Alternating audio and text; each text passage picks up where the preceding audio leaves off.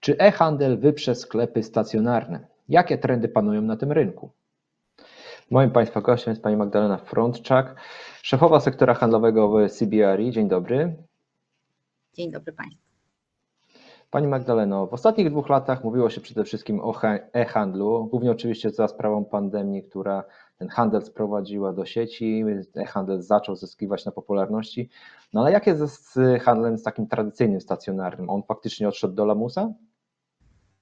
Ja nie mogę się zgodzić z taką tezą. Handel tradycyjny w dalszym ciągu wydaje się być, leżeć w strefie zainteresowania konsumentów przede wszystkim. Oczywiście dwa lata ostatniej pandemii nauczyły nas korzystać z różnych źródeł dostaw, z różnych źródeł jakby zaspokajania swoich potrzeb, czyli kupowaliśmy zarówno w sklepach internetowych, jeśli stacjonarne były zamknięte, ale jak tylko otwierały się centra handlowe, jak tylko obostrzenia były, były znoszone, natychmiast klienci wracali do centrów handlowych.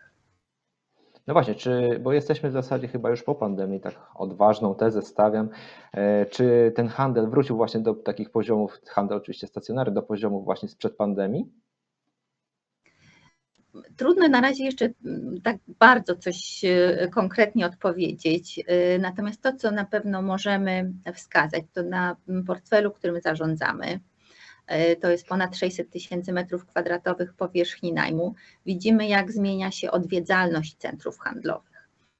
Ta odwiedzalność wzrosła nam w samym marcu o 11%, a nie zapominajmy, że styczeń i luty to jednak jeszcze obostrzenia.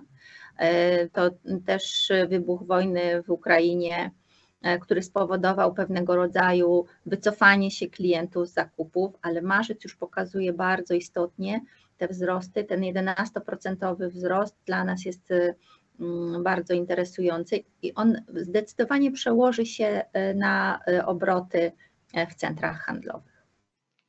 Mówi Pani o centrach handlowych. Czy właśnie centra handlowe jakoś dostosowują się do tych zmian, które zachodzą na rynku, do tego właśnie, że e-handel zyskał trochę jednak na popularności, a klienci też jakby szukają nowych rozwiązań?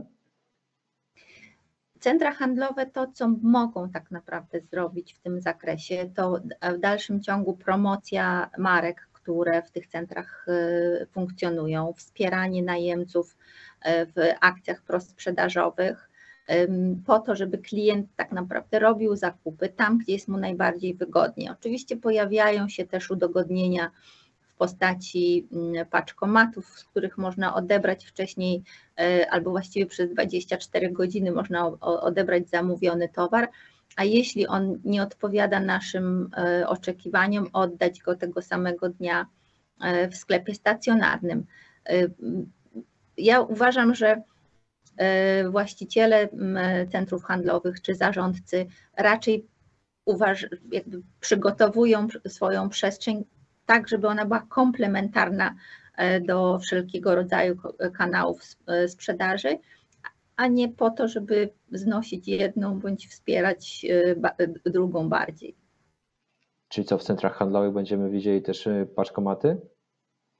One już są w tej chwili widoczne, one na pewno nie będą funkcjonowały w samych pasażach, ale przy centrum handlowym, tam gdzie ten ruch jest najbardziej E, istotny e, z dogodnym wejściem od strony parkingu.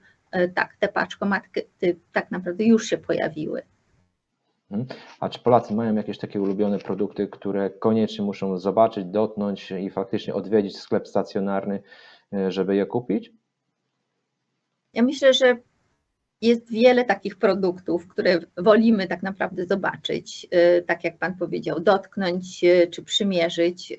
Myślę, że jakby różnica między sprzedażą stacjonarną a sprzedażą w e, internecie głównie polega na tak naprawdę dostępności i szerokości oferty, a też czasu, w jakim ona może zostać zrealizowana bo tu czas jest dla nas e, po prostu bardzo, e, bardzo istotny i tak klienci będą dopasowywać swoje e, potrzeby. Tak, jeśli może, mogą na coś poczekać, zostawią ten zakup do zrobienia w internecie, a jeśli potrzebują tego produktu natychmiast, to jednak skorzystają z tej tradycyjnej formy sprzedaży. Hmm Trzeba też jednak zauważyć, że na postawę konsumenta wpływa otoczenie. Mam tutaj na myśli oczywiście inflację, rosnące stopy procentowe. Myśli Pani, że to generalnie może zahamować taki popyt konsumpcyjny właśnie ze strony klientów? Myślę, że pewnego rodzaju zatrzymanie będziemy obserwować. Rosnąca inflacja nie nastraja nas optymistycznie. Zaczynamy wtedy myśleć o przyszłości i też regulujemy te bieżące wydatki. Myślę, że to jest takie bardzo ostrożnościowe podejście nas wszystkich jako klientów do zakupów. Natomiast też warto powiedzieć, że e, inflacja y, ona no, nie, nie, dotknie nas, mam nadzieję, przez y, kolejne kilka lat, tylko e, w tym roku zostanie w jakiś sposób zaopiekowana ale tą ostrożność widać. E, ewidentnie widzimy, że tutaj mm, sprzedaż troszeczkę wyhamowuje. E, Pani Magdaleno, w Europie Zachodniej dużą popularnością cieszą się tak zwane ulice handlowe. E, a jak jest w Polsce? W Polsce ulice handlowe zdecydowanie nabierają znaczenia. Już pandemia pokazała, że one są w jakiejś części COVID-oporne, E, albo odporne.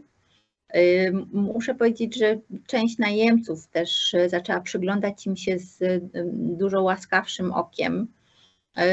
To przede wszystkim dlatego, że ograniczenia w zamknięciu sklepach, sklepów na ulicach były zdecydowanie mniejsze.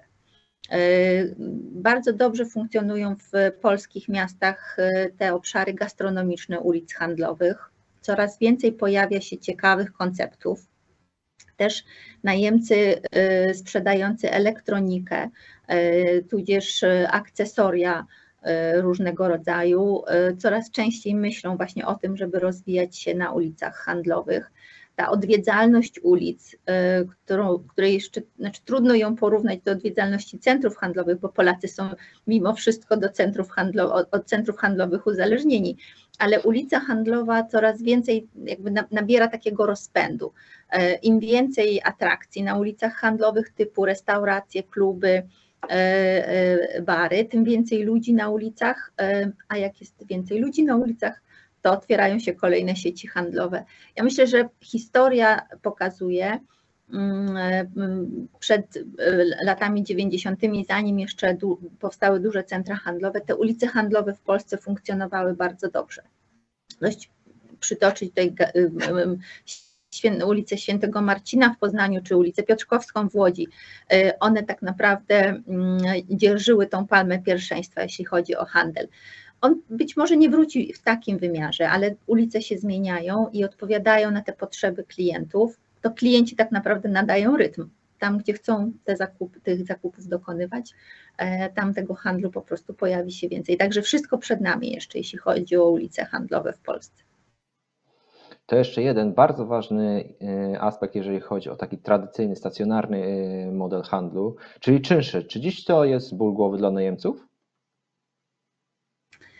Czynsze zawsze odzwierciedlają e, warunki rynkowe. Dwa ostatnie lata były takim, mm, takim czasem, który te warunki rynkowe nam tak naprawdę zrujnował przynajmniej w części. I najemcy, myślę, że właściwie na, trudno powiedzieć, że tylko najemcy, ale zarówno właściciele, jak i najemcy w centrach handlowych skutki pandemii odczu, odczuwają jeszcze do dzisiaj. Jeśli chodzi o stawki czynszu, one zaczną znowu się, myślę, regulować i to rynek pokaże nam tak naprawdę, ile jesteśmy w stanie zapłacić za daną powierzchnię, albo jaka stawka czynszu jest akceptowalna przez e, e, obie strony transakcji.